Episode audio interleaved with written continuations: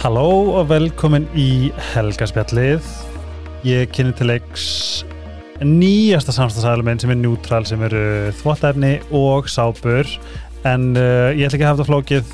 Þetta er bara 0% aukaefni, ilmefni og litarefni. Við verðum að velja vel þegar við erum að þrýja fötun okkar. Líka bara hérna þegar við erum í Ameríku þá prófa eitthvað svona pot dæmi og ég lyktaði eins og ég veit ekki hvað það er bara, fyrsti plúsin er til lyktalöst A, B, C, D þetta er líka uh, allt uh, ofnæmisprófað og hérna mert með, þú veist, asma og ofnæmis samtaka stimplinum. Þið fáið þetta í næstu verslun allavega í bónus og ég þarf að tjekka á því en ég held bara öllum öðrum. Ég myndi allavega bara skiptið yfir neutral period. Og svo ætla ég að fara út í umræðefni varandi svitaldegi af því ég var að horfa okkur TikTok sem var gett triggering það er svona setja okkur eins hreinan svitaldegi það gerir. Það er neutral líka mjög gott.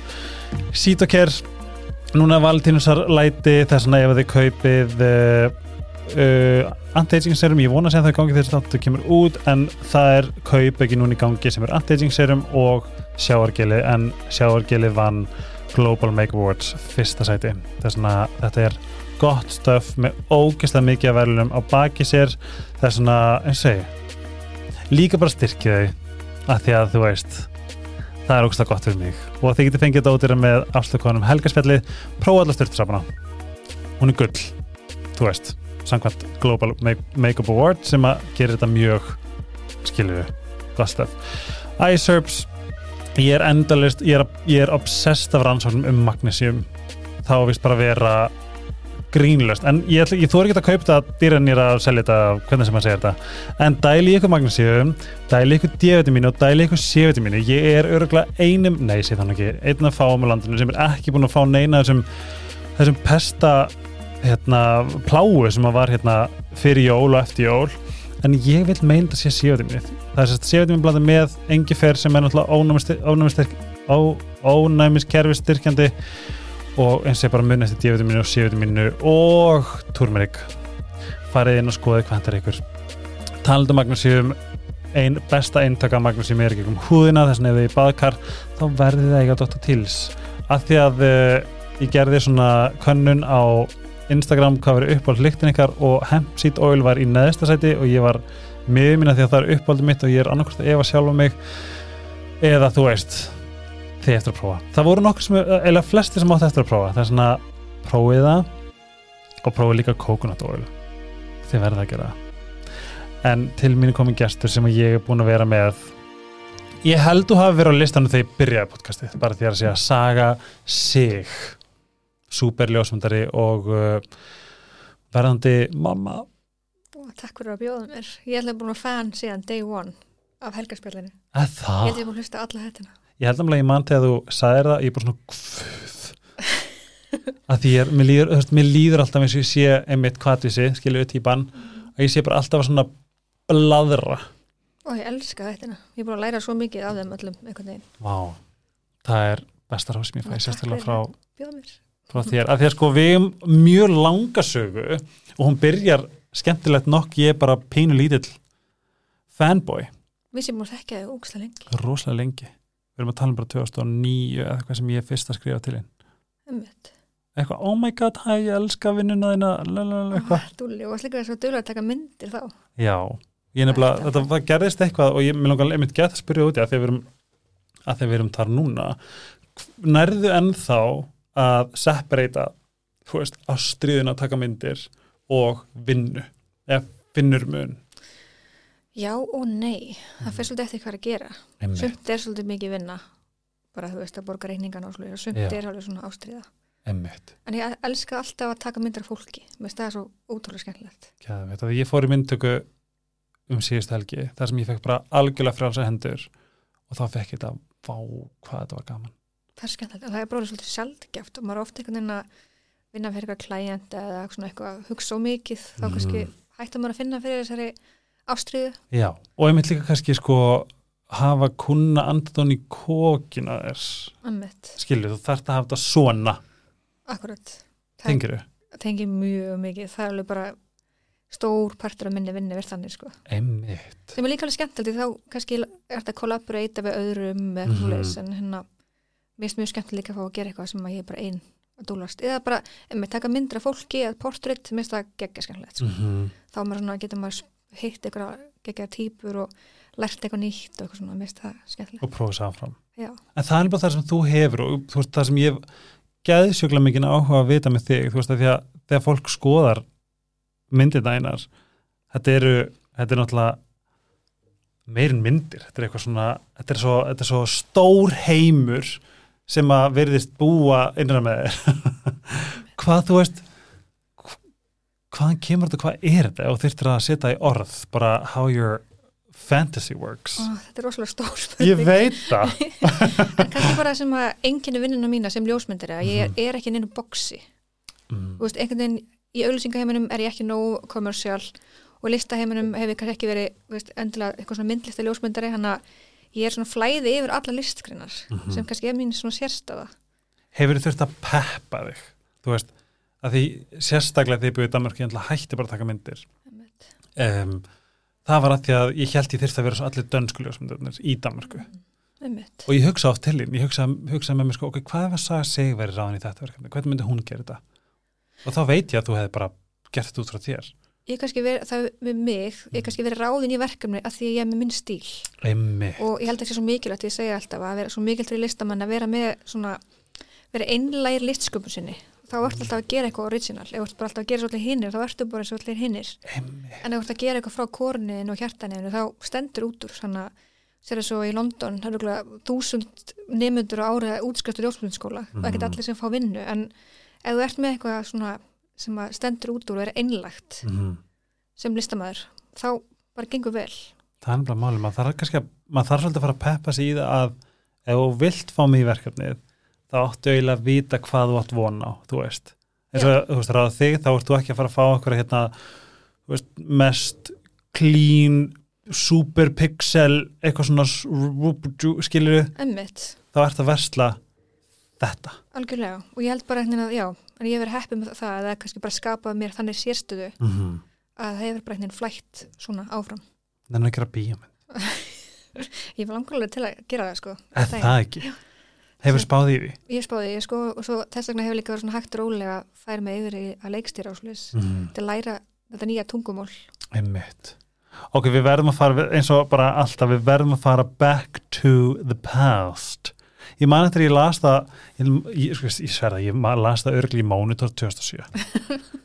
að þú ert bara algjör, kannski, sko, ég veit ekki eins og hvort að sveita þú að sé orðið, ert ekki bara svona, Þessi náttúrubar. já, bara einhverjum torfkofa, hvað, þú veist, um, viltu segja mig frá í rauninu, bara af hverju og hvaðan? um, já, fimm, fi- fyrstu 15 árin á lífinu bý ég út á landi Mm sem ætla mjög mótandi fyrir mig sem bara einstakling. -hmm. Um, Fóröldar mín eru prestar, Ó, þannig að fyrstu fimm árin bjó ég í skálholti. báðir Já, já. Vá, Mamma er ekki lengur prestur, en pabbi er prestur. var hún prestur? Já. Nettur prestur Ok, ekki, sko. Ágríns En já, en þau voru prestar og hérna þá hérna voru við alltaf að flytja og fyrstu fimm árin býði skálholti sem er mjög sögufrægur staður bara, Mhm. og hérna, já, bara svona Þetta mjög er ekki bara svona njálsögu læti Jú, bara alls konar, alls konar hluti sem gerðust Mhm. á skálholti og ég hérna, ég held, ég var svo svona nefnt bann, sko, mm. hann að stundum já, hérna minni græði að hérna vakna úti. Þá bara, ég, ég veit ekki hvort það er eitthvað draugur sem liti mig úti, ég var alltaf að lappa í svefni. Ok. þannig að bara svona, það var mjög mikið svona í loftinu, svona mikil, bara mikil saga, þú veist, svona Samt. Já, og svo hérna því að fimm ára flytjum við á Þingvelli og Ok. mamma var þókusförður þar er cool. og prestur. Og þannig að við byggum bara í torfbænum. Nei, ekki torfbænum, þetta er við hliðin á kirkjunni. Já, hann ég bjóð þar. Herbyggi mitt Nei var svona í miðju burstinni í hérna, já, þannig að að ég sá bara yfir Þingvelli gegnum gluggamenn Og varstu þú veist homeschooled? Nei, við fórum alltaf í skóla svo hérna, við vorum í skóla þegar við byggum Þingvelli ljósafossi, þá voru Já. 50 krakkar í öllum árgangunum, og við kerjum bara í skólabíl. Svona að alls konar að. Já, hann við kerjum bara á sveitinni og við vorum skólabíl klukkutíma mótnana og stundum þá voru við kannski tvær vikur bara að því þá var ekki mikið að túristum hann að á þingvöldum var bara ekkert mókað hann að við kannski voru við först tvær vikur bara í skólan nei bara heima bara fórum ekki í skólan að það var svo mikið snjór. Ok, það er næs. Þegar maður Einmitt, það er svona mjög æventilegt að því að náttúrulega mamma var að taka móti alls konar þjóðhöfðingjum og einhverjum prinsessum og prinsum að ég var ofta að gefa einhverjum pr- prinsessum blóm og hérna, já, hann er svona mjög svona, þú veist, að búa í þessari náttúru og hitta ekkert marga og svo allt einu kom einhverjum prinsessur og prinsessur. Það er bara svo æventilegt og svo bara leika sér í bara í þessari náttúru sem Já. er alltaf bara stórkosleg þess að þú hefur þess að í rauninni líka bara på tækni það þú ert 88 86 86, Módel. 86 þú veist, þarna er bara, þú veist, jú, jú það er alveg sjónvarp, en PC var ekki komið, Nei, það var það var ekki tenging við umheiminn þannig, eða þú veist nema bara fólki sem kom Já, í heimsók til okkar að mannst eftir einhverju sem kom? Fólki, já, þú veist, kom Princess of Monaco. Nei ekki alveg en ég man ég, eitthvað við hérna við vorum settir alltaf í svona þjóðbúninga til að gefa um blóm, Já, þannig að ég held ég til mynda mér sem vigdi svimbu og svona heldur á mér Nei. ég, hérna einhver gegdúla í söðskinskóm og upplut og eitthvað hérna þíski kanslarinn við hliðina og að hlæja eða eitthvað, eitthvað svona mjög, eitthvað, mjög surrealist. En þegar hugsaðu tilbaka, finnur þú veist ah, þú veist, vá. Eða hvernig, þegar núna ertu, þú veist, meira minna frekar kannski meiri þú borgatýpa, emmitt, þú veist, upp á hann þetta er náttúrulega brjálar kontrast. Emmitt sko við flutum svo til skaftarsíslu sem er, er hérna skaftar, vestur skaftarsíslu við byggum á milli víkur og kirkjubæklusturs á bæði þar og þá var ég svona 10-15 ára. Uh og það er alveg mótenda þegar þá er ég verða úlingur -huh. og þá er eitthvað netið komið eitthvað smá en ég finn kannski stundum að við veist ég hári svona pingu fallegan, fallegan hátt, svona naív svona, gagvart bara líka veist, ég var ekkert eitthvað með einhverjum vinkunum að sko Spice Girls skilur Nei. eða eitthvað, þú veist þannig að í pæli tísku, ég man til flutt í bæin og fyrir hagaskóla og vinkunum mér fóru að tala um appilsinu húð og plokka auðbúmnar, ég var bara eitthvað hvað er appilsinu húð þannig ég kem bara svona ótrúlega pjúr Þú var svona eins og hérna Cathy Heron í Mean Girls. Og ég maður langt sér að sé Mean Girls. Við þú hvað eru eftir setningum var svona uh, hún hann að I have really bad breath in the morning eitthvað, og það er eitthvað að tala um eitthvað svona nöglaböndi mín eru glötuð. Og svo er hún I have really bad breath in, breath in the morning. Og sama, bara do you know who plays this? Hún er eitthvað uh, Spice Girls? Það var eitthvað svona rockband skilju Ah, þú ert Cathy Heron oh my god, ég þarf að googla þetta. En ég kem bæinn og veit bara ekki eitthvað appisunhúð eða appisunhúð er eða hvað, brunkukrem eða neitt er skilur, þetta er bara svona menningarsjokk. Að þess að þið flytið 15 já, ég fer í nýjöndabekk mæti ég í hagaskóla hvernig var það? Um, bara að því við erum búin að flytja svo oft þá var það allt, bara allt í lægi þú veist, ég á auðvelt með aðlaga með nýjum aðstæðum Mm -hmm. og þó ég sé mjög feimin og svona introvertið þá einhvern veginn, einhvern veginn flætti ég bara inn í það einhvern veginn og eignaði skoða vini og svona Ertu vók? Já. Ah, en tungl, vísindi. ég er, bæ, spor, nei ég er hérna stengit, bæði rísandi og business, business bits Mm, ég kaupi það. mm, Líka er ísandi. mm Það er ógst að það fyndi. er mjög skrítið kombo, það er svona pingu Mjög mikil svona kontrast. já, hann er með fegurðin og svona jafnvægið og flæðið og svo kemur bara business bits Já. En hefur ekki þurft að Ok, ég var þurft, veistu, sorry, þú gæti verið í tvo tíma, ég, ég var að segja við á hann, vanlega undirbý, ég svona fæ fyrir svona, svona koma spurninga til mín, það kom of mikið þess að ég sagði bara svona stopp. Og ég held líka að ég hafi pílundi manifesta þetta til mín af því það er svo oft sem ég hugsa, ó, ég væri bara til að spyrja sög út í þetta.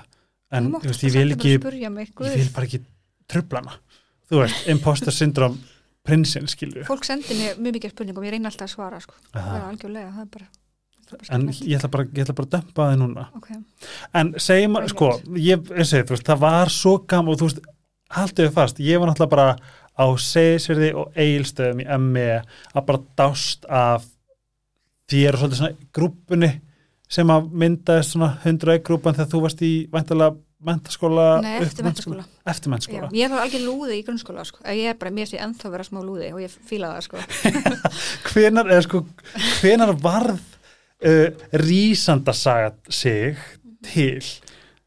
Þú veist. Ok, mér finnst það ekki gerst fyrir einhvern þrítugt sko, að það, í alvegni en hérna, ég flytti bæinn og þá var ég bara lúði. Bara eitthvað, ég tuksa að hagaskóla algjör lúða dúlla í háskóla er ég hérna í, úr hagaskóla Já, og ég var sko algjör lestrahestur ég fekk sko verðlun frá fórseta Íslands, ég var tíu ára því ég var búin að lesa allar Íslandingasögunar þannig ég var bara svona major lúði ok, en þetta er auðvitað stengið elementið Já. ég er bara eitthvað eitthvað geðvægt eitthvað reyna að vera on it sko. og líka kannski fólk myndi kannski ekki gíska á það Nei, mitt. ég held að fáir nefnilega eins og ég sagði við á hann ég held að fáir rosalega mikið kredit fyrir margt sem að þú veist, sem er í rísandæninum sem að Mhm. Geislar út en svo margt sem að er mysterious inni. Jara sagði þetta við mig, það var svo gott að að ég elska Jöru, við elskum Jöru við elskum jöru og hennar, hún sagði við mig að eitthvað, merk, eitthvað, eitthvað í stjórnmerkinu mínum að fólk hefur svona óljósa mynda mér -hmm. þannig heldur oft eitthvað um mig sem að er ekki ekkert, neila neikvægt hann er bara það hefur svona mjög svona draumkenda mynda við hverju er Einmitt. og ég lendi mitt oft í því að fólk sendi mér eitthvað random á Instagram við- sá þetta og hugsaði þín saga og þetta er kannski bara eitthvað hlutur eða eitthvað sem er bara mjög ljótur en að fólk hefur oft mjög óljósa mynda mér minnst það mjög áhugavert sko. Ei, Þú ert, þú, þú, ég, ég kaupi það. Ég er kannski mysterious. Þokkalega mysterious og líka sko svona, þú veist ég held að maður líka þegar maður horfir á, þú veist, verkið einn, skilju, og maður, ég myndi sjá bara eitthvað einhyrning og væri bara eitthvað, vá, sæða sjáðan einhyrning, skilju, og ég myndi eitthvað bara ættast til þess að þú væri bara wow, einhyrningurinn visitor, eitthvað. Það er bara samt svo gaman að fólk tólki með alls konar. Ég er bara, þú veist, það er bara 100% skemmtilegt og áhugavert sko.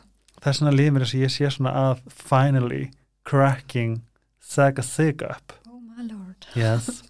uh, þegar þú ferð að segjum til dæmis eins og með þú ferð í Vestló, ekki satt? jú, ég fer sko, ég ætla að vera læknir.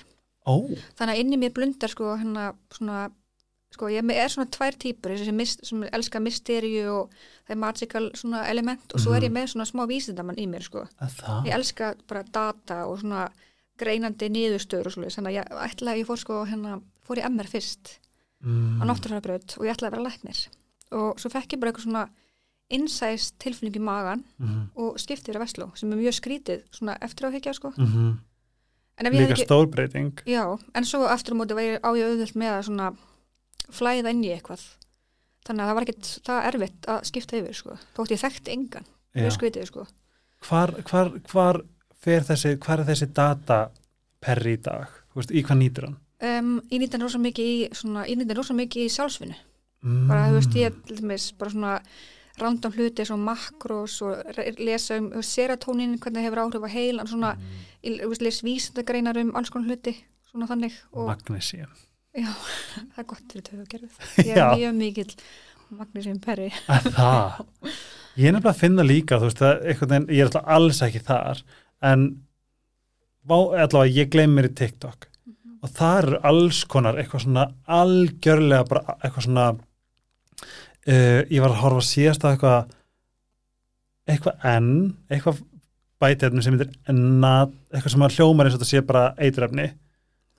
Og þá vist bara yngjaði bara svona og það er enginn að tala um það. Og sömulegis eitthvað sem átt að blaga COVID en læknarnir vildi ekki samþykja og þú veist ég bara Ertu búin að hlusta eitthvað á Huberman Lab? Hann er svo mikið að tala um alls konar svona.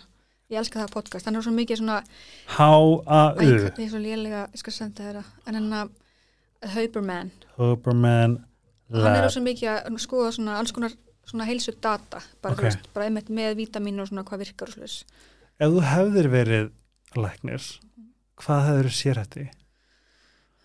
sko, ég veit ekki hvað ég hef gert þá en alltaf, kannski núna hefði ég örgulega bara sért með geðlækningum eða eitthvað en þá hefði örgulega farið í lítalæknin eða eitthvað. Já, en hérna, já, ég sést fyrir hérna MR og fæ ég þess að innsæðstilfinningu skiptir í Vestló og ef ég hef ekki gert það, það hefði ég aldrei orðið listamæður veistu, manstu eftir þessu mómenti sem að þú um, já, var bara henni ég var, já, ég bara svona vissi bara þurft að gera þetta. Vá, og hérna bara það var sterk innsæðstilfinning hefur Og- alltaf verið tengd við innsæðið ég held það, eða kannski bara hlusta á, eða kannski bara ég er svo kvatrís ah, það er allt í bara, ég er bara, já, eða veist, vitað eitthvað og svo bara gert það einhvern veginn. Mhm.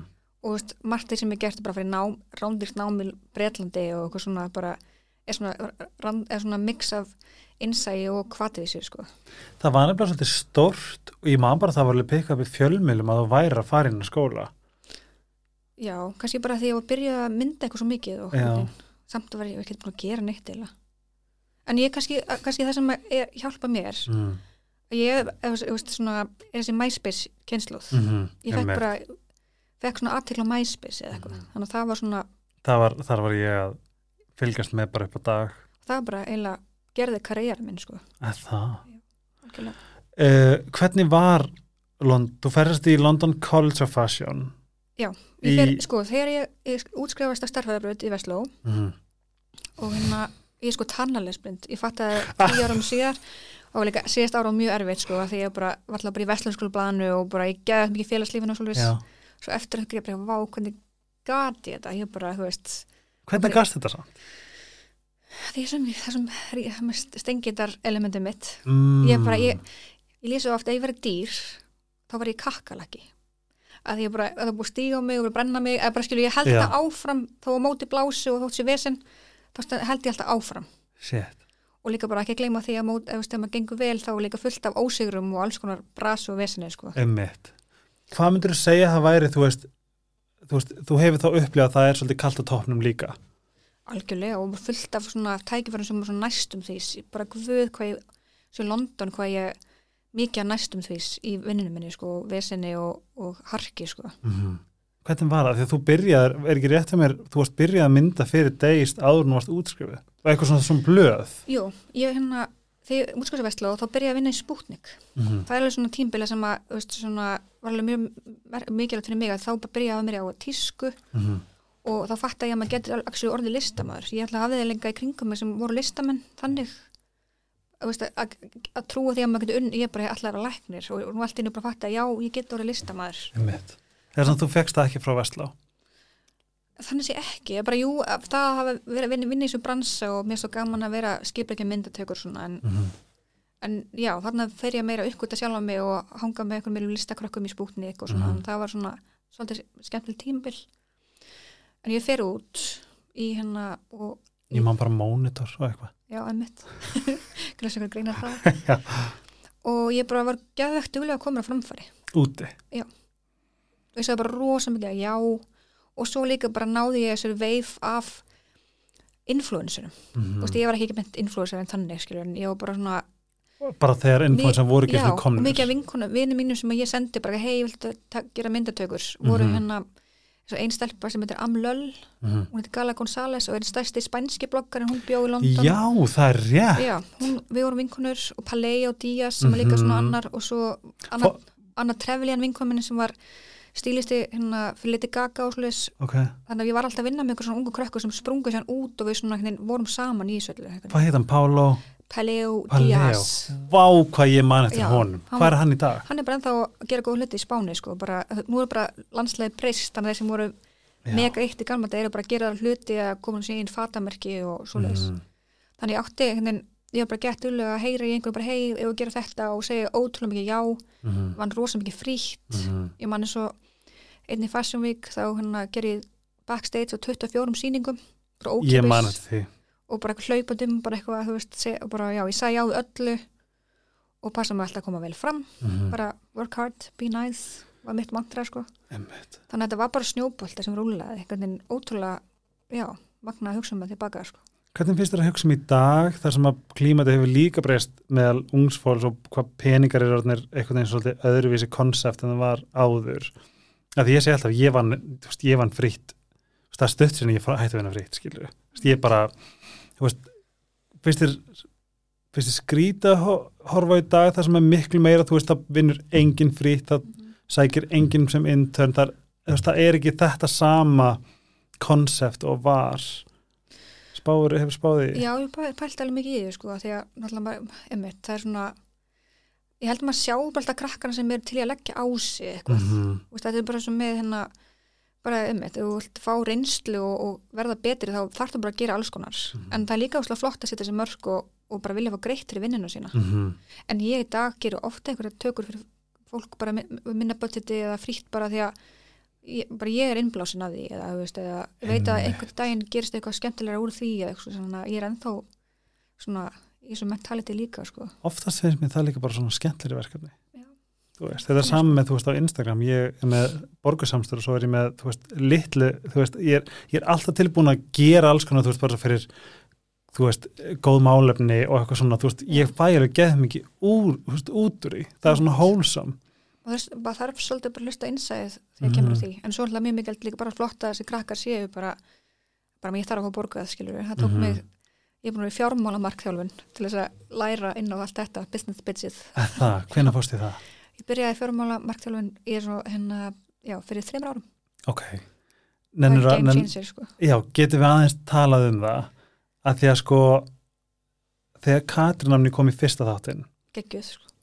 Katrin Fyrsta þáttinn. Já, hún er æði sko, hún er svo mikið æði og það er svo fyndið hvernig það virkar af því ég hataði peninga, ég var hrættu við það og það var svo fyndið hvernig ég og ég ákvað bara allt í hennu og tók mönduna sem hún kendi mér.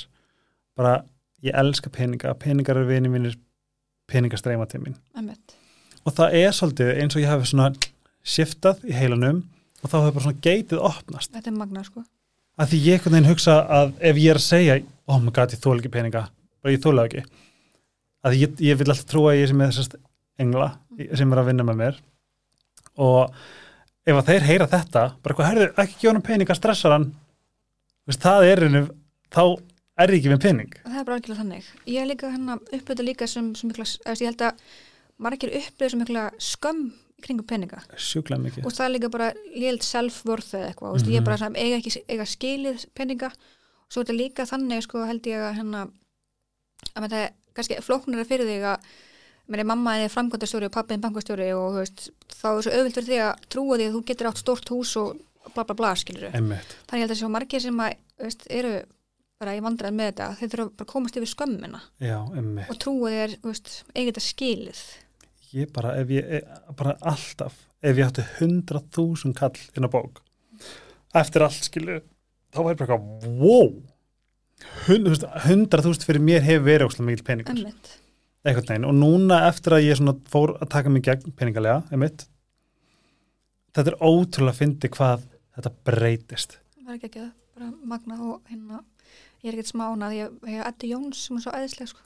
Og bara hún er breytt bara game changer fyrir mig sko. Býtu, Edda Jóns, og er hann þá markþjálfi, já, hún er svona fjármar, hún bara tekur mig svona peningamarkþjálfun og hún gerir það svo skemmtilega þegar ég ætla er ok, ég er með ADHD og, veist, og talanlegsblind og, og hef ekki, ekki haft áhuga á þessu skilur Mhm. og hérna hún gerir það bara svo skemmtilegt og kreatíft bara að hugsa um hérna peningorkuna og tala um svona peningaarketýpur og svoleiðis ú, hvað er það? þú veist, við erum öll svona mismyndi peningarketýpur og þú þarf bara að finna þína þú veist, og það getur verið hérna, alkemistinn og getur verið bara alls konar hjá mér er, og þú mátt alveg vera eina mínum peningarketýpum sem eru eitthvað þrjár eru þú svona dægurflugan sem elskar, ég elskar fallið föt Mm. og, og ég vil alveg leifa mér það, skilur Mhm. þú veist, ég ætla ekki að fara að hætta, ég er ekki bankastjórun sem geymar alla peningar á bankanum og eigður aldrei neina og nýskur, skilur, ég vil Mhm. alveg eiga fallið föt Mhm. og mér er að hafa mér góðan kaffi, skilur og Mhm. ég held ég áfram en það var bara eitthvað annað sem ég breyti Mhm.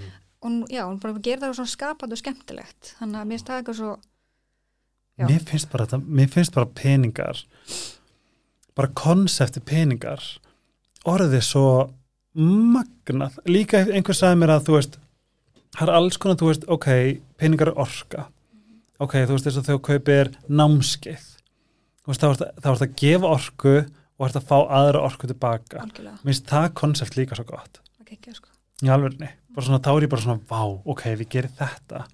Þá fæ ég þetta. Skilur eitthvað svona, og ég veit ekki, svo líka bara ég aldrei, eftir að ég lagaði hausnum varandi peninga. Þú veist, ég hef aldrei átt meira. Og þú óttu bara skilið. Og bara, og einmitt, englandin voru bara, ó, herrið, hann byrjar að elska peninga gefa hann aðeins meira. Einmitt, þetta er svo magna þegar maður tappar inn í þessu orku mm þá gerist eitthvað. Þegar þú, þú ert það sem, þú veist, ég held að margir hér á Íslandi voru pínu kannski hissa en svona svolítið svona, ó, er það? Þegar þú sem varst að bara vinna eins og Bavian í London tekur ákvörðunum að koma heim. Getur mér þess frá í rauninni kannski svona síðustu mánu í London Mhm. til fyrstu mánuðinni á Íslandi? Já, ég ætla að vera búin að vera úti í sjö og hálft ár. Mhm. og náttúrulega bara þrjú fyrst ára var ég í skóla og bara var svo mikið hark. Og svo bara var ég búin að vinna, vinna, vinna og ég var bara alltaf að vinna. Bara alltaf að vinna einhvern veginn og, og tæmdist bara bank, svona tilfinningabanki minn einhvern veginn. Og, hérna, og ég fekk þessi innsæðis tilfinningu, ég ætla að flytja heim Vá. og ég er svo fegin að ég gerði það Mhm. sko í London alltaf þarf svolítið að velja líka hérna þarf svolítið að veri, ve, veist, velja kannski eitthvað svona eitt pingu þess að ég var rosa mikið í hérna undirfötum og íþróttafólki og tónlist, tónlist eða eitthvað. Mhm. Hérna á Íslandi þá fæ ég að vera allt sem ég vil vera. Mhm. Ég get verið listakonna, ég get verið leikstjóri, ég get gefið bækur, ég get hérna bara já, bara ég get ekki myndir og unni fjölbreytti, með taka portrétt eða síðan bara tísku eða alls konar. Mhm. Þannig ég flytt heim og líka bara einhvern veginn, þá var ég að nálgast þrítugt og einhvern veginn finn að bara þetta er að rétta fyrir mig og líka Mhm. bara einhvern veginn kem heim og fyrir að vinna svo mikið í sjálfum mér sem að hérna sem bara ég eh, þurfti að fara að gera þannig að hérna, já, þetta var bara svona rétta ákvörðum fyrir mig Það er svo fyndið að ég man bara sérstaklega þegar, þegar maður var yngri þá var þetta alltaf komast sem lengst veist, verða sem mest einhvern veginn. Og það, þegar kemur ákveð eitthvað shift hjá manni sem maður hugsar, þú veist, en hvað með mig skilju, hvað með hvernig mér líður hver ég vil vera, hvernig ég vil láta öðrum líða eitthvað svona. Hvað var svona þitt verkefni í sjálfsvinni þegar komst heim og hvað var, hvað var svona drifkrafturinn að byrja að hefja þetta? Um, sko svona þegar ég hugst tilbaka er ég með svona ADHD típa. Mhm. við ADHD típunar, ég er með greiningu og veist, fekk lif fyrir tveimur árum sem breyti lifinu mm -hmm. við ætlum að byrjum á einhverju og við mögsum að svolítið. Og ég hef Mhm. alltaf gert þetta. Ég, þú veist, þegar ég var tíu ára fekk ég sér velhæm fórst í Íslands fyrir að lesa mikið á bókum. Svo bara ákveði ég að vera dúks svo, svo ákveði ég bara að vera geggja góð ljósmyndar að gera alls konar stórt skilur og sem ég gerði. Svo bara kláraði ég það og nú bara eitthvað næsta verkefni. Mm. þannig ég upplýði bara eitthvað svona já nú er ég búin að gera þetta alls konar og nú er bara ekki að gefa mig lengur og nú þarf ég eitthvað að finna nýtt. Þetta er rosalega leiðilegt Mm Nei, Ele, samt svo þetta, er, þetta er mjög mikið ADHD en hérna svo svo geðleiknið minn sagði alltaf bara þú verður að finna challenge í ljósmyndinu þá núna skilur bara þú Mhm. getur búið til eitthvað nýtt í því. Mhm. þannig held að það hafa verið partur af því sko að hérna ég þarf alltaf eitthvað að byrja búin ný eða já, bara hérna var hérna einhverju flæði að max eitthvað skilur við Mhm.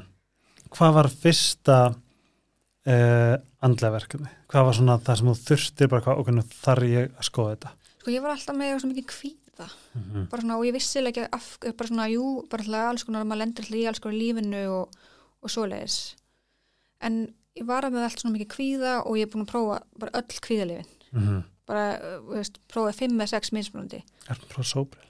ekki búin að prófa sóbrinni, reyndar ekki Það er the best of the best. með svo, svona núna er ég svona pinguldi á móti, móti kvíðalifin nema, þú veist, einhvern ákveðin tíma Já, skilur, mér finnst þau geggjuð í kannski þrjá til sex mánuði eða ár með að þú ert að vinna í því en þú Mhm. gerir ekkert, er engin sjálfsvinna eða engin dýpri vinna Mm -hmm.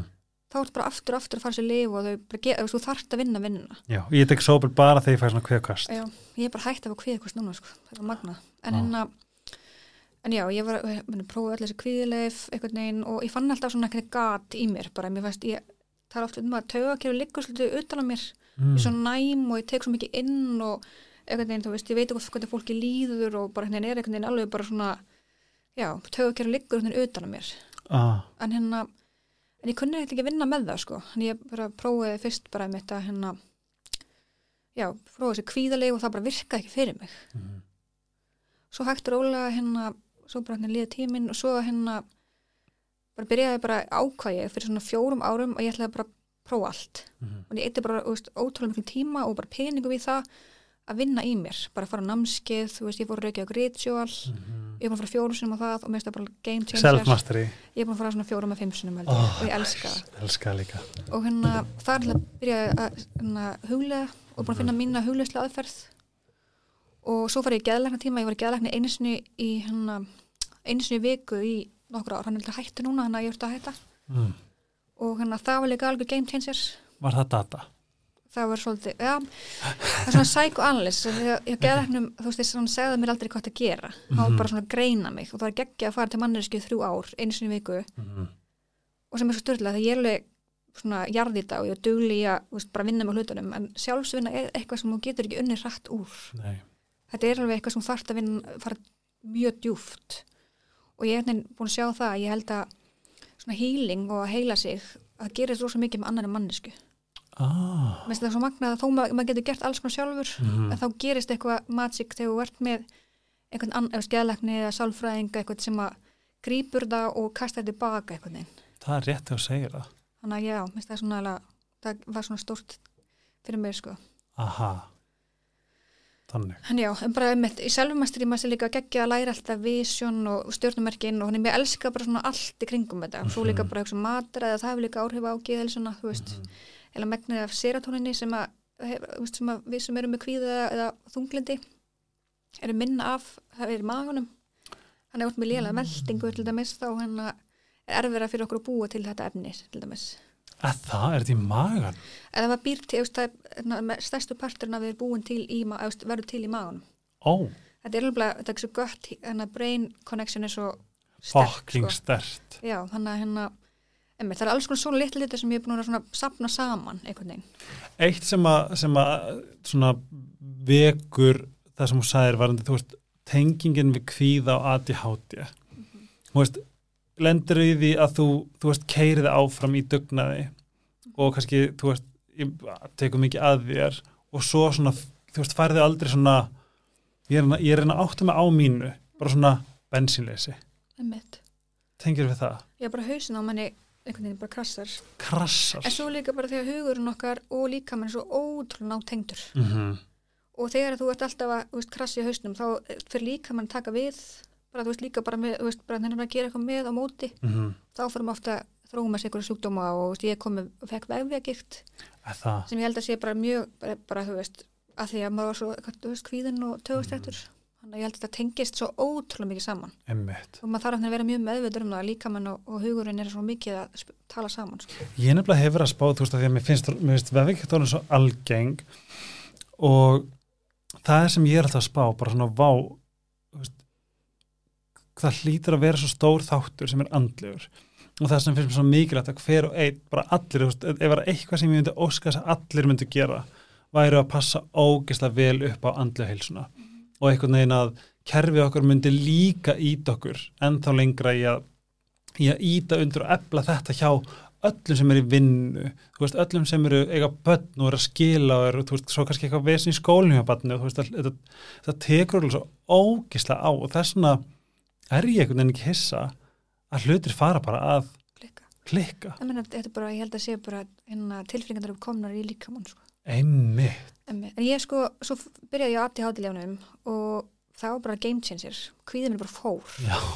það var svo geggja, ég bara what bara öll þessi ári einhvern veginn. Að fatta maður. Og öll þessi ár að ég að segja vá hvað ég er eitthvað svona á X og hins einn og fjandinn hafið og vera alltaf í þessu. Akkurat, bara svo í dag, ég, bara ykkur að segja Mórall, ég læsti, læsti likla mína úti þegar ég átti að fara að hitta þig en sem betur skildur mig ég var bara, ég var í sko. tauga áfalli sko. En það var einmitt að því ég þarf alltaf bara hvað sími, veski, þetta. En það er svo margt af þessu þegar maður gleymir einhverju þegar maður, þú veist þessi litlu atriði held ég verða svo stór þegar er búið allir saman. Þetta er svo slítandi að líða svona. Fucking slítandi. ég man bara fyrstu vikunum eftir fekk lifin þá bara greti ég. Bara líður vennilegu fólki svona. Nákvæmlega. En svolítið, finnst sumum hérna líka ekki gott að vera ADHD-lifinum þó sem ADHD er alltaf, þú veist ég ætlum trúi því að öll lif eða eitthvað allt sem maður gerir hefur alltaf einhver svona hérna, jákvæðar og neikvæðar hliðar, skilur Mhm. eins og mér þá eigur það, hérna, ég má ekki taka að ég er ólétt, má má ekki taka ADHD-lifin sakna, sakna þeirra mjög mikið en hjá mér ítti alltaf undir smá OCD, OCD Mm. hugsanir en hérna en já, hann að, þú veist, allt sem maður gerir sem, að, sem er ekki bara náttúrun hefur alltaf einhver smá aukalegar maður þarf alltaf hugsa um hvað maður er til í að gera, eða, þú veist, Einmitt. og hérna en svo bara, þú veist, að við tala um að allir sé að grínast með ADHD en mér finnst ekkert skrítið, sko. Ég er sammála, er að því að ADHD þá var svo skrítið þegar ég fekk mína greiningu og ég fór að spyrja mig bara byrju, en þú veist, ég get leið upp í sófa lengi, þú veist, ég get kúra upp í rúmi lengi, að meðan kærasti minn er sko þú veist, ég veit, ég, ég veit ekki hvort hann sé með D-ð, A-D-ð hann er að skilur ykkur ógust að frábæri, hann er svo ofvirkur. Já, og ég hef oft spáði, þú veist, bara svona byrju, en, en ég er ekki þarna skilur, veist, hann myndi vilja vakna og glíma um mig, skilur og bara helst fara í einhvern afskan danstíma. Já, en samfélagi er bara, er það svo breytt. Ég meina, við séum bara fyrir 50 árum, þá vorum við ekki með þess að síma og allt er dót, við erum Mhm. bara öll að bara, veist, það tekur næstu 500.000 árun fyrir okkur að þróast þannig að við vennjumst í að hafa alltaf þetta áreiti, sko. Ég fann ekkert fyrir þessu ADHD því ég bjóði sveita sem bara náttúra og úti og ekkert fólk. einmitt En við erum í samfélaginu eins og er í dag og ef maður vil taka þátt, það verður maður einhvern veginn að aðlast þessu. Þannig að mér finnst Mhm. ekkert skrítið að við séum, að séum svona há, hérna prósundugreining bara í- á Íslandi og pluss það að við erum að vikingaættum, bara, bara einhverjir kvatvísir vikingar brjálæðir sem komið hinga í einhver ofvirkni við. Þannig að það er bara í genunum okkar líka. Er, já. Getur þú haldið að ofverðin þín, af því að það er það sem ég held um sjálfum mig, sé upp í þú veist, búi inn í haustum maður. Já, og menn þetta er bara, það er bara einhver taugabröðir, Mhm. skilur, þetta er bara einhver, er einhver röskun í heila, þetta er bara einhver heila starfsemi, skilur, Mhm. þetta er bara sem með dyslexíu, Mm. þeir sem með dyslexíu er að nota fleiri staði í hausnum, heldur þeir sem er ekki með dyslexíu, Ah, þetta er bara allt, þú veist, heilin er svo flókin, einmitt, þannig að hvernig, menna, allir eru mismundi heila, skilur, einmitt.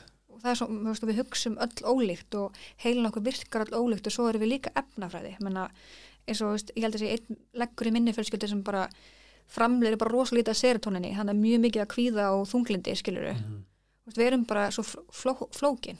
Þess vegna er eitthvað svo fallega mannlegt að vera alltaf að leita að skoða, skoða sig og, og horfa sig og sína sig mildi í hvað maður er einhvern veginn Ég nefnilega það, sérstaklega þegar, þegar maður lesa við notum, þú veist, 7% heilanum eitthvað, eða þú veist, 19 eða mann ekki eitthvað svona fárlega tala, þá hugsa maður sko, shit, hvað með allt hitt.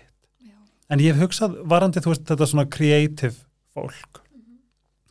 Þú veist, ég, ég vil alltaf meina að minn aðtælisprestur sé superpower mitt líka.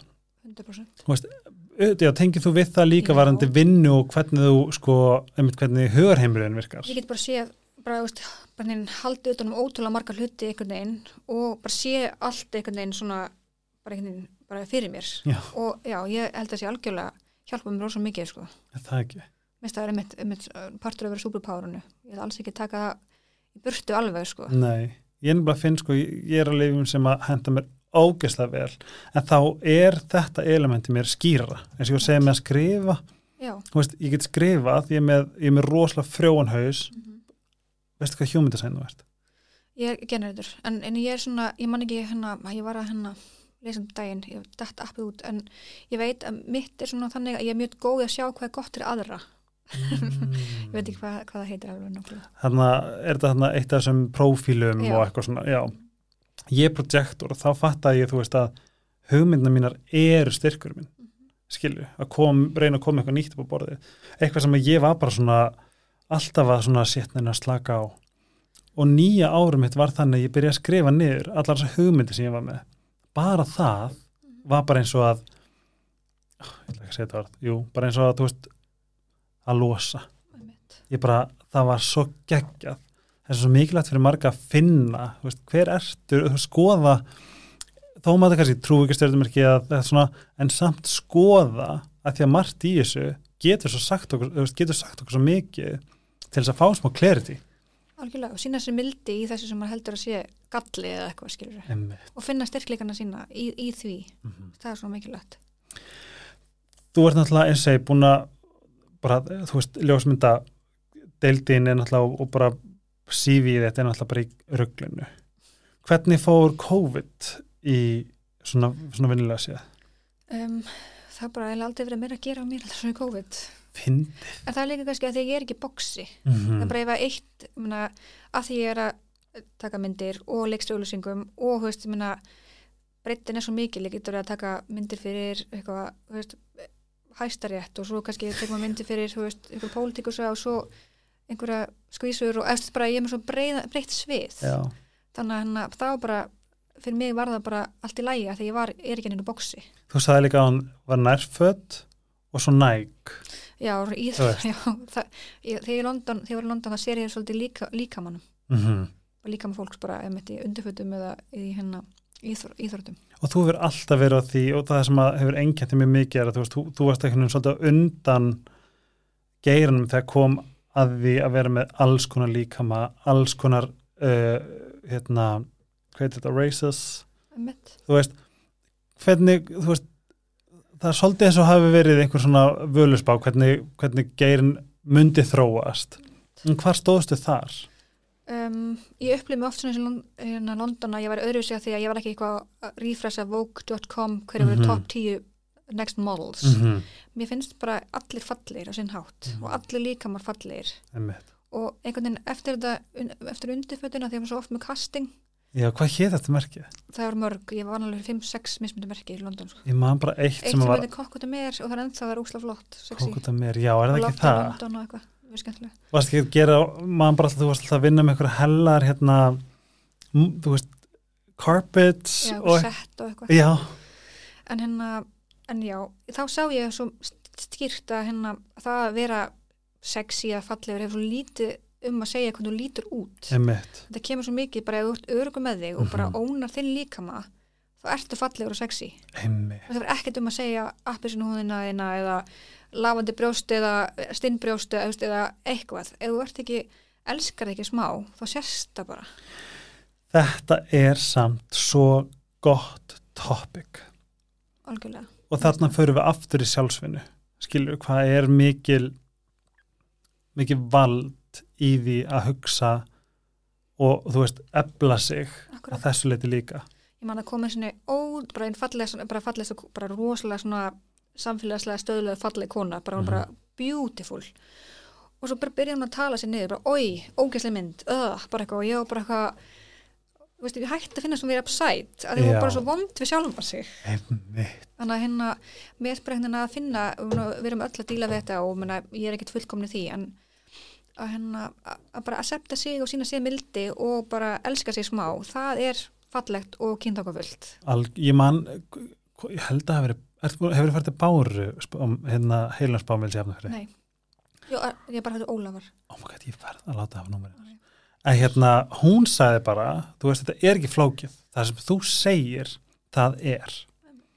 Og þetta tók ég bara mjög til mín og að því ég ros, eða hef verið alveg ógæðislega dögulegur að tala mig niður og hef einhvern veginn notað sem eitthvað svona húmormekanismi eða eitthvað skrítið. Um, hún sagði bara eitthvað, ok, þú vaknar, djöðl sætur og hvað gerist? Ég er sætur hennan dag, ég er sjálfsöryggi hennan dag, ég er sjálfströst hennan dag. Og svo sem er líka kynnti mér fyrir þessu sem þú veist segja, er Snær og Sindra Já, fjölmjölakona þegar hún var á Lansaróti saman til mig 2008 hún var bara hávaksinn curvy og hún átti sundlega bakkan hún svo ekki gæla sko, nei bara, þú veist, algjör skvís. svo mikið skvís og bara, þú veist, hún breytti öllu fyrir mig. Bara mesta, bara heitasta gælla sem ég sé. Sammála, þetta skiptir máli. En líka bara með fjölbreytnina við langar bara að koma inn á það líka sem ljósmyndir af einhver sem vinnur vann í tísku og að sína já, eitthvað svona, þá fannst mér svo mikið ábyrða mér líka að sína alls konar fólk. Einmitt. Og hérna ekki bara þú veist eina tegund af mannesku mm og hérna ég var alltaf að hugsa svo mikið um það að ég get breytt einhverju þó að þetta sé bara tíska skilur, mm -hmm. þá mhm. er það bara svo stór partur af okkur samfélaginu og við horfum svo mikið á tísku og Instagram og svona að, að geta séð fjölbreytni er bara svo ótrúlega mikilvægt. Finnst þér ekki fyndið að horfa núna á það sem er gangi, Asli Greiham og allt það skilur já, en þú varst þarna hvað, 2000 12 Emmeit, það var bara mjög erfitt, ég manna Anna Treflíðan, vinklum minn sem var stílisti, stílisti hún var líka mjög mikið inn þessu og það bara maður alltaf hissa þegar komum að koma að lokuðum dýrum hjá oft klæjendum, bara ja. við komum ykkur hugmyndur um, um, um kast. Emmeit. það var bara oft flókið sko. Já. Mér finnst þetta búið að vera það besta sem hefur komið fyrir núna. Það er líka bara, líka aldur aldur. Mér finnst það svo mikið æfi Já, bara minnst Emmeit, að maður sé ekki bara eitthvað, eh, þú veist bara 40 eða 30 eða 30, þá eða 28 og svona gamalt í tískuheim já, það var bara svona, þá ertu 54 en model en years mér langar bara að sjá skvís frá mínum aldri og eldri. Mér finnst það eitthvað miklu meira inspiring að vera heldur en hérna eitthvað 14 ára stelpa, að mér finnst það bara ekki mega sens sko. ég gleymi aldrei lokaverkefninu já, það er mömmu já, Eitthvað. það var, hvort það var allt í þráðum eða, já, eitthvað svona, svona eitthvað já, svona spider þema já það er eitthvað sem bara ég sé er myndina mjög skýrt, það var svo magna en varðandi uh, ljós, að því þú talar um að þú sért þú veist, introvert, þú ert svona einmitt uh, fólk getur upplegðið feimna en svo ertu, þú veist, ljósmyndalega séð þá ertu svona andstaðan þú veist að vinna að taka stór verkefni, þú veist, stór andl sem þú veist að mynda, þú veist, eins og þegar þú myndar Mia, MIA þú ert að mynda hana þegar hann að all I wanna do it og hefur, var- hefur séð Bad Girls vídeoið og það er flottast vídeo í heimi. Það tekið svona, svona að þetta tekið upp í var ekki í Mónakó eða eitthvað svona farið heim og skoða það. En allavega ég átti sko að vera þar að ta- taka upp og það er bara svona eitt af næstu þís í hennar í mínum karriér sem ég Já. horf alltaf ég bara eitthvað, fuck, okkur var það ekki hérna veitu hvað ég, það- kannast við það. koma, hún bað mig að þetta heitir bara Bad Girls video, þetta er svona það eru að keira á svona bílum, þú mannst örgulega þú sér þetta hérna, þá mannst eftir þessu. Og, og hérna hún sendi mér skilabað, það fylgst með mér á Instagram nei hérna, örgulega blogginu mín eða eitthvað fundi mig, mér varst það bara gegn, fekk svitnaði sko, bara Það er- eitthvað vissi hver ég var, ég bara eitthvað what? Og þetta er líka þegar hún var in the height of her career. Já og hérna og já og þá hann mig að koma hvort ég tekið svona stillur að behind the scenes að þessu vídeo og þá var ég akkurat á Íslandi og bara kostaði ógislega mikið að fljúa mig út þannig að, þú veist, framlæslu fyrir þetta ákvaða að gera það ekki mm -hmm. ég hefði bara borga fyrir að vera það sko. En hvernig kom til að, þið, að þú varst að vinna fyrir hana fyrst? já, svo, já, þá var það svona fyrsta sem hún sendi á mig og svo hérna svo gerði ég fyrir eitthvað tímaritt uh, frans tímaritt, þá gerði við myndaþátt Mm. og hérna út af því þá hérna nota hann svo einhverju myndirnar úr, á singul hjá sér. Mm, fyrst ekki að borga. Jú, ekkert eitthvað hversu mikið en Hvað myndur þú segja, en líka þú veist ég man líka þegar þú varst að gera næg ég vissi ekki að þetta væri, þarna varstu í beinu kontakti við creative directorinn úti. Já, sko ég held bara þessi hópur sem ég var partur af í hérna London var svona bara vera, þú veist, var, var vera að fylgjast með okkur sko. Mm -hmm. og hérna kreditdirektorinn hjá Nike Women í bandaríkjanum fann mig á Instagram og sendi á mig skilabóð og fyrsta verkefni sem ég gerði var svona wildcard verkefni Mm. og letið mér bara hafa x penning og ég mátti bara fara svolítið að gera sem ég vildi sko. Það er, byrju, var, nei, byrju, þú gerðir eitthvað með Ger, fyrsta, Íslendingum fyrsta verkefni sem ég gerði var í Brellandi og þá vorum við svona fullt af color bombs tókum með einhverjum garði eh, í London bara fullt af einhverjum lítrikum bombum og einhverjum svona stuði sko. Ok, var þetta gott budget? um, allt í lagi, eða veist maður hugsa eftir á þú veist, Nei, Nei. en eins og verið, veist, er það líka bara ég fengi að gera svo margt skemmtilegt út af því að ég er í svona wildcard. Já, já, stærsta, svo komum við til Íslands fyrir nokkrum árum og þá gerður við risa campaigns já. Og það var með Íslendingunum eða ekki? Jú, ger, ég gerði tvisasunum heima og svo kom stóra, stóra, stóra þá bara kom allar deildirnar og bara risa krúa eitthvað, var Íslensk framleysla og þá var ég líka wildcard. Og þá var eitt svo ljósmyndir sem tók svona campaigns, Já. Svo fór ég með honum og við tókum mótilinn og vorum að gera eitthvað skemmtilegt. Mm. þannig að hérna, já, Var það ekki bara þegar þeir lokuðu fyllt af gödum og það var bara eitthvað svona hugjast jú, það var geggjað sko. Vá. og, þú, og, hvern, og þú náðir að halda þér þú veist hvernig svona, þú veist ég er alltaf að meina kvíða bara hvað, hvað þið hata myndnar Hvernig nærðu að halda þér? hataði bara myndirnar skilur og þá bara þurfa að gera þetta aftur ég veit Já. ekki, ég held ég aldrei hugsa út í því, ég bara mæta stæðin, ég ætla að undirbýja mér svo vel, Já, ég er ekkert að mæta ég mæti alltaf bara svo vel undirbúin mm -hmm. og þegar maður er að vinna með svona stórum fyrirtækjum þá eru þau, þau veist, það er búið að tala um allt já, já, og svo ég gerði Topshop fyrst, nú er Topshop alltaf að deyja út eða eitthvað en hérna, það var mjög stórt þegar ég þá Mhm. þá, stort var ekki bara stærsta þetta Jú. var ennþá í kringlunni þá gerði ég eitthvað hérna, þá gerði ég verkefni með Topshop Já. og þá bara það að kasta við, þú veist, við gerum casting í marga daga og svo endaði með því að við notum engan og flugum inn eitthvað svíþjóð Mm. en skilur, þú veist, öll merkin þessi stóru eru með svo, þú veist, þau eru ekkert að taka sjensin, sko Mm. og ef þau taka sjensin, þá er minna budget skilur, og sem að ég, eins og með nækverkefni þá er ég að gera eitthvað wildcard át þá er ég ekkert að fá borga eins og einhverjir skilur, þá fæ ég borga minna og Já. það er minni áhætta, en svo bara fáðu kannski ekki eða mikið út úr því, skilur.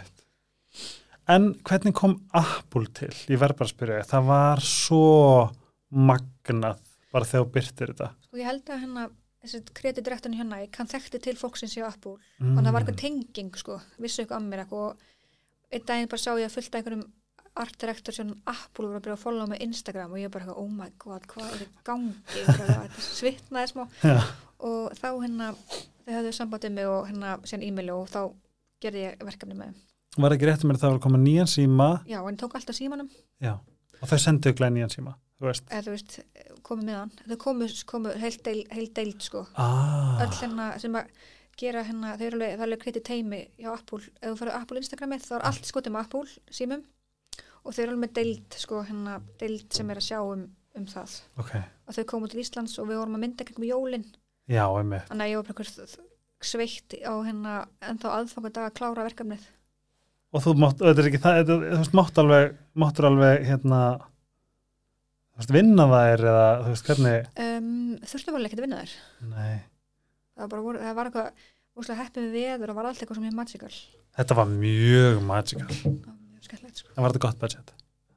Það var fínt. Ok, segðu mér uh, líka, núna ertu að ganga með þitt fyrsta barn. Hvernig líður þér? Mér líður bara ágætlega. það er þrjár vikur í enn sko. Þannig að hann er byrjað svolítið þungur ég held ég er gett andstutt þannig að ég er búin að andstutt í þessu viðtali þá er það bara því að ég er með, já, og hver, þú veist, þegar þú hérna, þú veist, var alltaf á planinu að þið langaði barn og, sko ég held að var bara í karriérvúman ég var eiginlega, ekkert að pæli í fyrir en að bara, ég var 35 þá Já. bara kom tilfinningin mm. bara þörfin. Ah, bara kom mjög stert sko. Hvernig lýsir hún sér? Bara ég er tilbúin að eignast fjölskyldu og ég hef aldrei henni hugsað um það eitthvað, auðvitað veitum maður alltaf samfélagið minnum mann á bara hægri vinstri að maður sé Mm. að verða gamall eða skilur, og ég bara, var bara 35 skilur, Mhm. en að búið hérna allir það bara verður að frista ekki eða gera eitthvað eða þú veist, eitthvað Einmitt. svona, þú mikið pressa Mhm. en hérna, já, ég bara hérna, svo já, svo bara er ég ólétt, svona en hérna, ég ætla tók þetta data science skvísu element inn, inn á, inn í þetta líka Mhm. þannig að ég hérna bara en ég var ólétt þá bara gerði ég alls konar til þess að hjálpa. Bara með að breyta vítaminum og ginseng. Það sem ég gerði var bara hérna eitthvað í hormonakerfinu mm. ég prófaði að vera með svona veri skanna, hefur ég prófað það? Prófað er það svona sem hún smellir í brjóst, brjóst, nei hérna brjóst hérna blóðsíkumæli já, svona sem hún smellir í húðina. Já, og svo fylgist maður símanum. Var mind blown. Það sem ég held að ég var bara hotlistu skvísa mig skilur ykkur, Já. AK skál með döðlum. Ég bara spæka blóðsíkurinn og þetta hefur áhrif á hormonakerfið skilur mm -hmm. þannig ég pældi því og svo hérna las ég ykkur bók og svo bara var ég strax ólétt. Vá, þannig ég bara, ég held í alvegni að því að, veist, ég við og alltaf þreytt þetta COVID og svona, mm. Þannig ég bara hérna, prófaði blóðsíkursmæli, prófaði makrosa líka, -hmm. kom bara ljós bara að maður er að borða ógæslega vittlust og lítið, einmitt. Það maður er að borða miklu minna en maður heldur, ég byrjaði að borða miklu meira en ég hef borðað og bara grendist skilur og bara varð meira fitt, mm -hmm. þá var hérna, var hérna alltaf að svelta og búin að svelta sig eða óvart, ég er alveg er ekki bara vannar að horfa það núna sko. því að bara drekka eitt grann smoothie en um að leiða maður setja prótin í það þú veist, Mhm. þá ert að hjálpa bæði blóðsíkurunum og hérna, er skilur, þetta er svona ekta sögu dæmi sem ég bara nördast alveg inn í skilur, ok, og hérna það allavega gekk að mér að ég var bara strax ólétt sko. þannig að ég er bara mjög þakklátt fyrir það. Hvernig er þetta búið að vera svona það tilbaka bara geggja, ég hef aldrei bara, aldrei henni verið ja, stabil andlega, eða en það það, er líka bara því að ég er að gera það svo mikla vinnu þannig að mér líður bara ógæslega vel ég er ekki með neitt svona ég held ekki, hef kannski verið villi ósamála svona hormonadramma, ég bara, mér líður óslega vel Já. mér líður óslega vel líkamannum bara, já, bara ég hef bara gett bara til í þetta, sko. Ertu, hefuru uh, þurft eða ekkert þurft, hefuru þróa með þér eitthvað ritual svona eitthvað sem þú breyttir eða sem þú breyttir til og varð vani uh, varandi svona andlega uh, heilsu, hugleislega, huglesla það er bara eða game changerinn minn, sko. Hvernig, hvernig, eða, hvernig huglesla henda þér? um, ég tek svona 20 til 30 mínútur og ég fer rosa oft í vision Mm. og þá ímynda mér eitthvað stað og hennar sem ég er á og hann oft sitt stend þegar ég er í huganum þá sitt ég við ströndina svo bara gerast alls konar hlutir Mm -hmm. bara leið, leiði því áfram einhvern veginn og hérna, já, að það er svolítið svona hugleyslan er svona game changer í menn sko. uh, Er það að gera til þess að þú veist, ná bara, þú veist gleyma þér peace of mind eða ertu með, þú veist, möndrur eða ertu, þú veist, hvernig ég svona hef líka alveg verið möndur þegar, ég- þegar, veginn, þegar ég gengi gegnum tímbila sem ég þarf við að halda þá býði til einhverja fallega möndur Mhm. en nú finnst mér best bara að ná slökun og þá tek ég 20 myndur og hlusta á, á eitthvað svona sjamaníska tónlist Mhm. og fyrir að ferðalega í huganum Vá. bara ég svolítið svona bara ég sé oft einhver dýr eða fer í eitthvað ferðalega og ef ég, ef ég leysi eitthvað verkefni þá leysi ég svolítið inn í, draum, inn í draumheimi þú Mhm. veist, fyrir bara eitthvað svona quest inn, inn í draumheimnum. Wow. svona mikið af dýrum og einhverju svona þannig. Dreamy stuff. Já, hvernig hérna, ef þú- ef ef þú gefur eitthvað svona hugmynd um svona, þú veist, hver er munurinn á þegar þú ert ekkert að huglega og huglega, bara svona munurinn á þér, bara svona í, í eh, lífi og starfi. Ég sé bara tættari og þegar ég fyrir svona, svona tættar og æstari og þá bara finn ég líka bara líka með byrjar að klikka sko. mm. að ég næ svo mikið slökun í hugleyslinni Mm. þannig að mér finnst það bara alveg hérna, ég finnst best að huglega að ég get svona setjapartinn, Mm. þá brýti ég svona daginn í tvent ú, það er alltaf sniðut það er svona millir 5 og 6 ef ég get þá er það alveg besta tími fyrir mig og þarf ekki að minna þig á það þú veist, að, þú veist að, að, að huglega finnst mér vera svona með svo að fara í rektina, að fara í kallt bað þú veist, til, þú veist þú þarft, kannski að fara að gera eitthvað annað þú veist, ég er bara, segir ég þarf að gera það. Vá, og ég, bara, ég, ég veit ekki, ég bara, veginn, það er bara bjargað mér svo mikið það ég bara held ég alltaf áfram sko. mm en svo komar tímbili sem maður kannski ekki alveg abdúlegur og þá Mhm. fyrir maður svona fyrir að læðast aftan að manni. Hvað er bestu ráð sem þú fengið og að plæja og maður hvað það er svo stór spurning. Ég veit Ah, mm. þetta er mjög stór spurning. Ég get spurt aðra og leift þess að já, gerjast endilega, uh, hvað er upp á slitur allir finnst allir fallegir. Nei ég segi, ég er bara svona veist, það sem mér finnst bara svo áhugavert er að þú veist þú, þú veist, þú ert svo, þú veist, þú ert successful, þú ert líka með tíma til til dæmis mála. Til dæmis, þú, og, þú veist allavega, þú veist, from an outside perspective þá er mjög auðvelt að hugsa bara how does she do it skilur við já, hvað svona, þú veist, ertu drifinu vinnu, tekur tekur fríta, setur setur skilvirk mörk á sjálfa þig, þú veist, ertu með einhverja rútínu, þú veist, klára alltaf verkefnið áður en að fer að sofa eða gefur þér, veist, hvernig er svona pínu, hvernig er að, ve- hvernig er að jögla þér? hmm. um, ég ætlaði þurft bara, ég ætlaði vann mér svolítið, vann svo mikið í London og ég var Mhm. bara út út bara jösku, skilur þannig að ég bara þurftur svo mikið að setja inn kvílt hjá mér og ég Mhm. finn bara leið og ég bara vinn minna og hugsa meira um mig, skilur, Mhm. þá, þá er ég betri í vinninu minni. En hérna sem drífum mig áfram, ég finnst bara ótrúlega gaman að skapa og búa til. Og bara sköpun er bara mín heilun líka, þannig að það er bara partur af andadrættinu mínum. Vá, og mér finnst líka hérna vinn, li- bara vinn líka skemmtilega vinnu og, Mhm. og ég, þú veist, ég á viljinu búin að búa þannig líf til sem er svo fallegt og skemmtilegt þannig að einhvern veginn flæðir þetta áfram. Og ég er einhvern veginn komin út úr því ef það er alveg erfitt þess að núna því ég er hægt að vinna að því ég er ólétt að successið mitt er ekki bara vinnan mín og það er ekki vinnan mín er ekki bara hver ég er. Nei, og mér finnst ótrúlega gott að vera svona hægt og rólega að komast út úr þessu. Mhm. En svo það líka bara breytingar, ég ætla að hefur ballaus, skilur Mhm. þannig að núna ætla að bætist lill kallin í líf mitt þannig að núna ætla ég bara njóta þess líka Einmitt. að hérna að vera móðir mér finnst það ótrúlega spennandi hlutverk sko. En eins og málingin, þú veist, hva, hva, hvenar hefur alltaf verið að því og hvenar rauninni, hvenar gefur þér tíma og svona hvað er svolítið svona ritualinn þar? það kemur svo í törnum Mm og, hérna, og það, ég byrjaði að mála í London þegar mér leið illa sko. það var bara Mm. mín svona mitt flæði til þess að koma til, reyður á tilfinningarna mínar. Mhm. mér finnst það bara mjög svona heilandi að mála. Um, það fyrir svolítið eftir vinnunni hvernig mér gengur að mála en ég hef alveg verið að eins og með hérna markþjálfunum mínum markþjálfunum mínum þá hún er að, veist, að, að, að gefa mér daga. Að það er rosa tætandi að vera eitthvað fullið allar skristofu daginn og fara svo að mála, ég get bara Mhm. ekki gert það. Þannig að veist, stundum að það komið bara vikur sem ég tek alltaf einn dag í viku og ég þarf ekki að lengi, kannski tvo þar tíma Mhm. ég er ekki heilan dag eitthvað, ég henda mér ekki að því ég er svo ofverk sko. þannig ég kem kannski og sprengi krafti og hérna já, þurftu að minn kalla mig oft stormsveipir því ég svona snögg og svona ofverk svolítið allu en, Aha. hérna, en ég kem kannski og tvo þar tíma að mála bara ótrúlega mikið Mhm. en það kem mjög mikið törnum og ég get ekki forsa það og ég get ekki mála, þú getur ekki sagt við mig að ég ætla að panta svona málverka því að ég veit henni ekkert hva- hvað hvað kemur Vá. sköpunin er bara svona te- beintengt í bara, bara, ég veit ekki bara í einhverja kór sköpunar orkuna Ég hef nefnilega oft skoða og, mér langar, þú veist, bara bæði, hvar getum að kæfta? Getum að kæfta? hvað? Verkin? Já, bara heyri í mér á Instagram Ok. og senda mér tvísvar, ég svar ekki á því að ég mati hátíð Eh, tengi, sendi mér bara til þess að þetta þrís var Já. sko. En hvernig hérna um, Ó, þetta dattum mér Ertu með skrifstöðu bæði? Já, ég er með stúdíu á löguvinum Ah, Ég, hérna, ég kæri sem með deilum skristofu á lögu 25 vá. Og ljósmyndastúdíu líka. Nei, þar er ég bara með málinguna og hann vilja líka mála og hann líka með podcast sitt og eitthvað.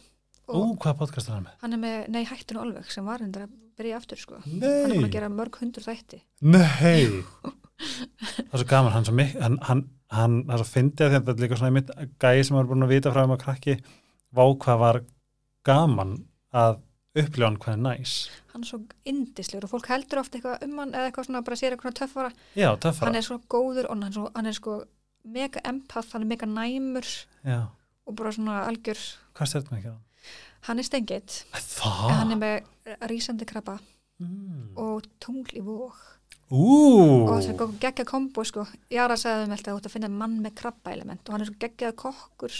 Og hann er ah, alltaf gett eitthvað dúlast heima hann elskar að fínt heima hjá sér og bróður saman þóttin úslega fallega og svona elda eitthvað gúrmei og að já, en svo er hann stengið þannig að hann líka alveg þrjósku sko. Já, ég er hérna, við erum með hérna við erum, að því ég, ég elska Kristinn Tómas sem kom til þín, við erum hjá henni. Ah, hjá, já, bara þú veist, það er svo geggja sko. er þið með hvað þarftu? Hvað þarftu, og það er game changer sko. ég er bara, Það hún er- er bara, bara samband okkur er svo geggja það því að vera hjá henni sko. ég, er bara, ég ætla að halda áfram bara til að ég hef komið kona hjá henni sko, sem er svo gott að fara til hennar sko.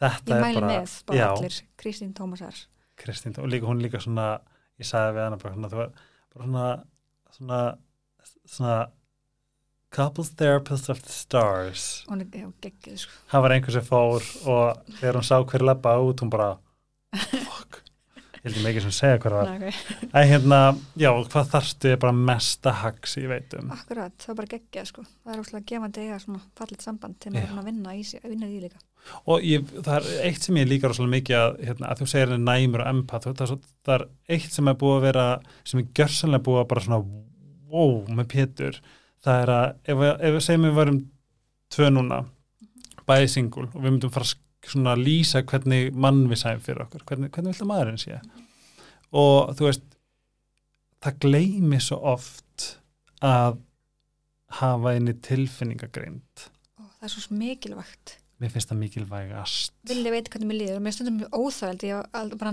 les hugsanir mínar sko. mm. og veit bara svona hmm, Pétur þannig líka, hann er alltaf undan mér mér finnst það það gott samt svona er bara svona wow en.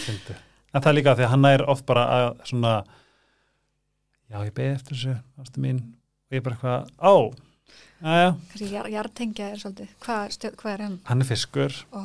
Geggja og þegar ég vissi að hann er fiskur þá 2000 og eitthvað þá leiði mér þess að ég hafi orðið af, ég var aðstofinu þegar ég var pínlítill, varstu? já, oh bara þegar ég var úr vesla og eitthvað, við vorum saman í Vesla ég veit það. en ekki 80 sjö, já, hún er yngri mann og svo var ég bara með fast hann bara vera ógæslega mikill protein shake og var bara eitthvað whatever. Þannig að hann var ekki skotnið mér. Svo vissi hann væri, svo fórum við í kaffi 2000 og eitthvað 17 og þá vissi hann væri fiskur það bara svona, ertu fiskur? þá leið mér svo ég hafa svolítið er það geggja, Ég veist, því ég er með fisk í það er svona tilfinningagrind og ég vona að minn, minn getur orðið hrútur en ég var smá hún að vera fiskur. Já, unganum út sem fyrst. Hvað er Ísandi hann? Hann er svo tungli meiu sem er geggjað. It. Já, og svo erum við báðir bógamenn í ó, geggja, þannig að þið getur verið á ferðinni og Já. fljúandi og spontant og Já, og það er ógæðislega gaman. Og vera bara svona í öllu og núna erum við bara, við erum, með, við erum alltaf bara eitthvað, við getum gert þetta, og við getum gert þetta, þetta verður óslega gaman, hvað með þetta, verður þetta, verður þetta hérna, gaman, það er svo skemmtilegt. Ógæðislega gaman. gaman. Og ég hef líka verið svo verðt að spurja ef einhver, þú veist, fyrir singles úti sem er langar í maka, þarf alls ekki að vera að fólk vilja maka, það er algjörlega valið fyrir mér. maður bara skrifa niður, ég manifestaði þetta líka. Já, skoðið stjórnumerkin, þú Ég veist, sketta málið sko. Að því hann er fiskur, tilfinning að vera skipulega meia sem ég þarf í lífið mitt, og svo ævintýri með honum í bómannum. Ég er sko tvöfall loft á bómaður. Ég týpur í Vassberi. já, það er mega kombo það er mesta þrótt sem ég veit um sko. geggjað. Það er bara, ég vildi óskis ég ég væri með að vóið er elska, elskum tvíbura sko, Mhm. og vassbura ef, ef ég væri gagkinur þá myndi ég öll að reyna þig. Já, það ekki, ef sko er þó ekki stengið en svolítið skeri ég að það getur verið smá skeri ég er með svo ég er með hérna ég er með sko hérna sportreika í, hérna í Venus, mm. með spicy. Oh my god, er það? En svo er ég með mjög mikið að hérna búa mann líka í hérna kortinu minu ok, og hvernig sérðu fyrir núna, núna er að fara að taka við bara glænit líf. Já. hvernig sérðu fyrir bara svona þú veist, komandi ár? Ég bara, ég ætla bara að lifa svolítið í flæðinu sko, Mhm. bara sjá hvernig það verður allt saman, ætla, veit ekki hvernig það verður. Mm. en hérna, ég er bara til að halda fram með lífið eins og er, bara hérna að hérna fá að gera svo mismyndi hluti og vera listakona og hérna prófa mig áfram og ekki staðna og halda áfram að vera forvitin og pró, prófa einhvern veginn. Ef ég, þú, ég, þú varst örgulega svara þessa spurningu, en hvað myndur þú segja fyrir, fyrir alla að núti sem eru kannski veist með einhver svona aspirations og drauma skilju, hvað myndur þú segja væri svona bestur ráð sem þú myndir ge geta gefið bara svona fyrir fólk að bara eitthvað hei Það gerist ekki neitt ef þú gerir ekki neitt. oh. Mér finnst það bara, með alla sem eru successful og ég hef talað við, bara hérna ljósmyndar og svona og hérna því ég er búin að fara að tala við þetta fólk þá er allt fólk sem er sendt e-mailin sjálf það er ekki að býða eftir að National Geographic kringi og bjóðu þér skilur það, geta, það er ekki að fylgjast það er ekki að býða eftir. En ef þú sendir áfram og, og byrjar að sá fræjanum mm. þá gerist eitthvað. Og ég hef alltaf haft þetta leilu sem bara ok, þú veist að versta sem getur gerst þú fann nei, einhver segir bara eða og svo kannski mann eftir bara fimm árum setna hefur, já, heyrðu, þessi var veist, já, skilur þannig að það bara, að það gerist ekki neitt og gerir ekki neitt það það gerst ekki neitt. Það gerir ekki neitt. Og mér líka alltaf svo gott sem mamma kendur mér negin fær nær hjá henni. Algjörlega. Og ég hef nú al, veist, ég- með það ég er bara minn karriér eru fullt af neyjum sko, og vombröðum og, og tárum sko. mm. en ég hef aldrei að gefast upp þú ert sérst bara a driven force by nature. Er þetta orðað svo leis Pingu. Og færðu aldrei, hvernig er saga í bara svona uh, hvernig er svona ömulega glatar helvitis fucking dagur í sögu? Ég er svo, er sem, eh, hérna, aðti hátíðhausin, ég er fljót upp en fljót niður. Já, þannig að það er bara vógin bara eitthvað, verður kannski gett leið og svo bara held, ok, bara græði þetta skilur að það? Þú færðu ekki svona bara dofa bara í ekki fleiri lengur, ekki þegar maður er búin að vera að í svo sem sjálfsfunni einhvern veginn Mhm. jú kannski maður er eitthvað svona dof, auðvitað, það er bara mannlegt Já, er ekki, maður er ekki allt- alltaf eitthvað gladur og geðað on it ég fekk þannig ekki að en mér finnst bara líka sem ég veið svo gott sem að ég elska þetta orð, það er að sína sjálfum sér mildi mm. bara stundum er ég bara leið og stundum er ég bara ókslega glöð og, mm. og með þess að fallet orð að sína sjálfum sér og öðru mildi Já. í því hver þú ert og hvernig þú ert Mm. Ef þetta voru ekki orð til að enda en það Fyndi, ég, ég, þegar ég var að byrja með þetta podcast 2018 haldið það fast það var stólista en þá að það var á þeim tíma sem ég var eitthvað oh, æ, þú er ekki að spyrja hana. Mm. bara mm, dúli, nú ertu bara risin upp eins og fugglinn Phoenix það er sjálfsvunum krakkar en oh my god, gangið vel með baby, er komið nafn, kannski. Var það? var svolítið ósámála en það það mun enda á einhverju. Eitt eða tvö. Eitt ok, Ó, ok. Það er líka ógust að fyndið. Mér er svo mörg svo spennt fyrir þessu Æ, bandi það er svo cute, ég, Það bara, er- ég er mjög spennt fyrir hún líka. Já, hann strax byrjar að stjórna mér smá eða það? Hann vil ekki bara súkulaði ég er aldrei, ég er sko alveg súkulaði grís og hann bara, ég bara Nei, borða takk. alltaf holt og borða bara ísu og ka- kartöflur. Já, það er og svo hann meikar ekki að ég sé sko tuskulega klætt, þannig ég er búin að gegn skvís á með, meðgöngunni. að Ég það held að mér finnst þess að hann sé bara, en daginn var ég eitthvað svona pingu joggingala skvís. Já. Ég var bara heim að skipta föt og ég held að hann hafi tekið bara yfir mig og bara eitthvað, verður heim að skipta mamma. var hann að sparka Nei, ég veit ekki, bara mér leið bara hann eins og ég þurfti að vera meiri skvísa. að það og kannski þetta bara komið með eitthvað eitthvað lítinn Jean-Paul Gaultier eitthvað svona saga, takk fyrir að koma bara what an honor þú ert eins mér. dásamlega og ert geggjuð að öllu leiti Fyrir mig. Eh, ef þið er ekki að followa sögu fyrir þá er það Múst saga sig á Instagram sagasig.is móðurskipi var einhver einhver geggjar kúni með sjúklega hot budget. Eh, Neutral Sítokir Æsjöp Státtatils Love you, takk fyrir að hjálpa með þetta. Og vestlið frá þeim af því að það verða að hjálpa mér til þess að halda þessu blessaða batteri gangandi þess að það, fyrir það var ég mjög þæltur Takk fyrir að hlusta, love you, bye